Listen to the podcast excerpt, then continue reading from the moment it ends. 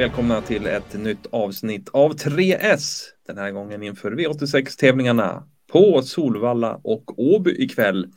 Och med mig att gå igenom de här rubrikerna vi har är ju Fredrik Lindman. Hur är läget med dig Fredrik?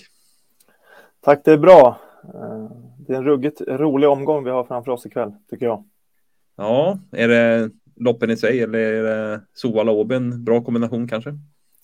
Eh, Solvalla Åby är en väldigt bra kombination tycker jag. Sen eh, det är inga sådana här toppar. Vi har inte högsta klassen och sådär. Eller vi har ett lopp i och för sig på, på Åby där det är några guldhästar med. Där. Men annars så tycker jag att det är väldigt jämna, spelmässigt roliga lopp eh, rakt igenom.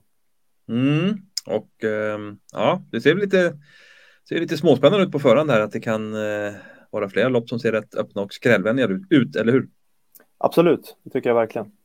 Ja, och vi ska väl ta och gå igenom våra tre rubriker då, så vi drar väl igång på en gång då. Vi börjar ju med spiken.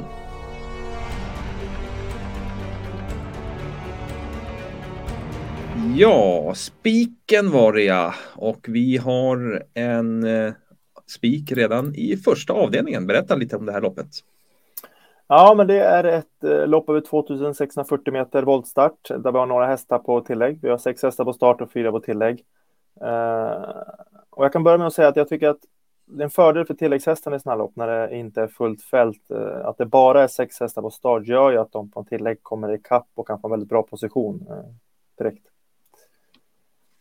Ja, precis. Och ehm, ja, vi har ju en. Vi har ju mest betrodd häst från tillägg här, sju Conteprad. Mm. Det är faktiskt inte han som vi väljer att spika, men Conteprad gör ju comeback och det är skor runt om och man säger att man helst vill köra bakifrån och sådär. Eh, så jag är lite tveksam till honom, men jag tror väldigt mycket istället och rekommendera spik nummer åtta, King of Jazz, Joakim Lövgrens häst. Eh, den här fyraåringen tror jag kommer passa perfekt med de här förutsättningarna. Han är allra bäst när han får eh, gå på speed bakifrån och han sitter med andra spår direkt. Det lilla fältet gynnar, gynnar ju en sån här som ska gå på speed då, eftersom han oavsett om Joakim Lövgren vill sitta still fram till upploppet så kan han inte hamna för långt bak. Hade det varit 15 hästar så hade han kunnat sitta i åttonde utvändigt. Nu när han har andra spår direkt och det bara är tio hästar med så kan det mycket väl bli andra, tredje utvändigt. Och eh, ja, även om man skulle sitta sist, kanske fjärde utvändigt, så tror jag han har bra chans att spurta ner allting här. Så att, nej, spik på nummer åtta, King of Jazz. Mm, vad härligt. Det är ju skönt med en sån här inledande spik som eh, ja, inte är så speciellt hårt betrodd i nuläget. Då, så att, eh, spik alltså, åtta King of Jazz direkt i inledningen. Bra start på V86 får vi hoppas det blir.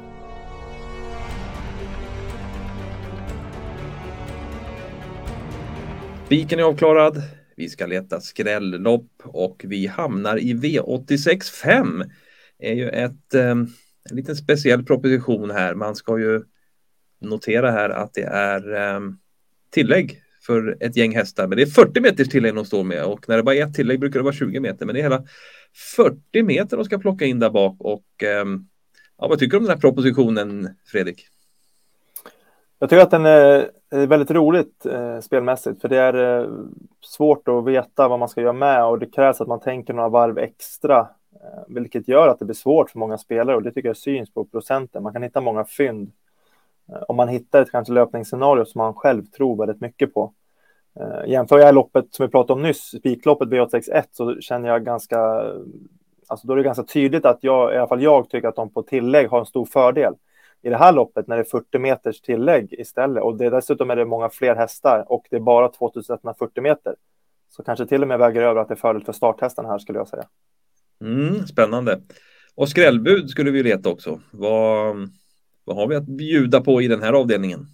Mm, det, det, skrälloppet är ju för att det är så svårt att läsa, men man vet liksom inte riktigt hur hur det kommer gå till och sådär. Men men eh, och Ultion Face står på 40 meters tillägg och är favorit så att eh, jag tycker det öppnar upp sig eh, väldigt mycket. Eh, jag väljer att lyfta fram här nummer eh, 6, Amazing Hazel som avslutade rykande senast, hade all otur i världen där i de sista sväng. Flög fram och står på start. Eh, och sen även vanligt för 13 That's So Cool som står 40 meters tillägg då, men han har spår 6 där och Jeppson kör och hästen är väldigt snabb från start så att med de här förutsättningarna just nu när han fick spår 6 så har han möjlighet att äta upp de här 40 meterna ganska snabbt och då helt plötsligt får han en gynnsam position. Ja, det kanske är av tilläggshästarna ändå just på det sättet den eh, mest fördel just för honom just för att han har så pass bra läge och så pass snabb ut. That's cool.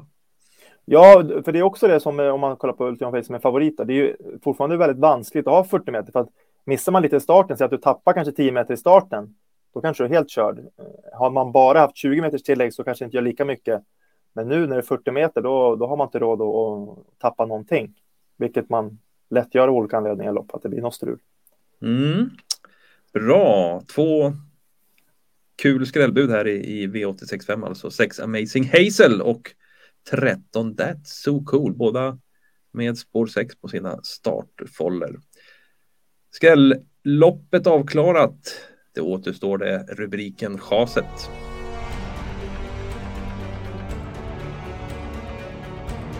Då så. Vi ska hitta ett chas och vem är det som vi chasar den här veckan Fredrik? Ja, vi har haft två lopp nu på Åby så att eh, nu går vi till Solvalla och hittar chaset. Eh, det är V164 här, nummer två, Inshallah Destino är ju klar favorit nu och jag vet Alltså jag vet knappt vad jag ska säga om det här chaset, för jag förstår inte ens varför han är favorit. Uh, det är en orutinerad kusk, hästen är hårt anmäld och har liksom inte visat egentligen något mer än någon annan i loppet, så det, det är bara väldigt märkligt att han är favorit, Inshallah Destino, och till 42 procent som han är i nuläget är det liksom det är sånt givet chas att eh, jag vet inte. Vi har sällan haft något mer givet chas faktiskt.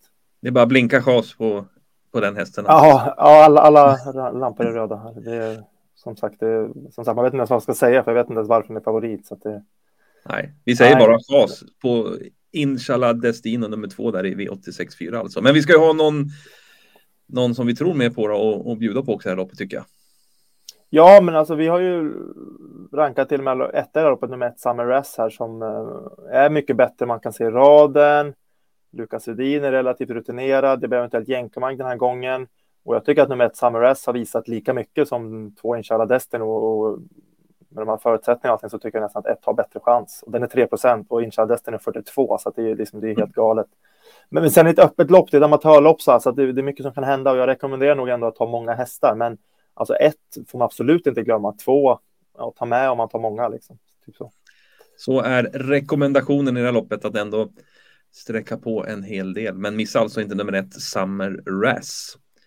Ja, då har vi gått igenom de tre rubrikerna och ehm, eh, vi sammanfattar det på följande sätt där vi börjar med spik alltså V86 1 8 King of Jazz och sen hade vi ju skrälloppet V86 5 där vi lyfte fram 6 Amazing Hazel och 13 That's So Cool som skrällbuden som vi vill plocka med tidigt ändå får man säga. Och sen chaset V864.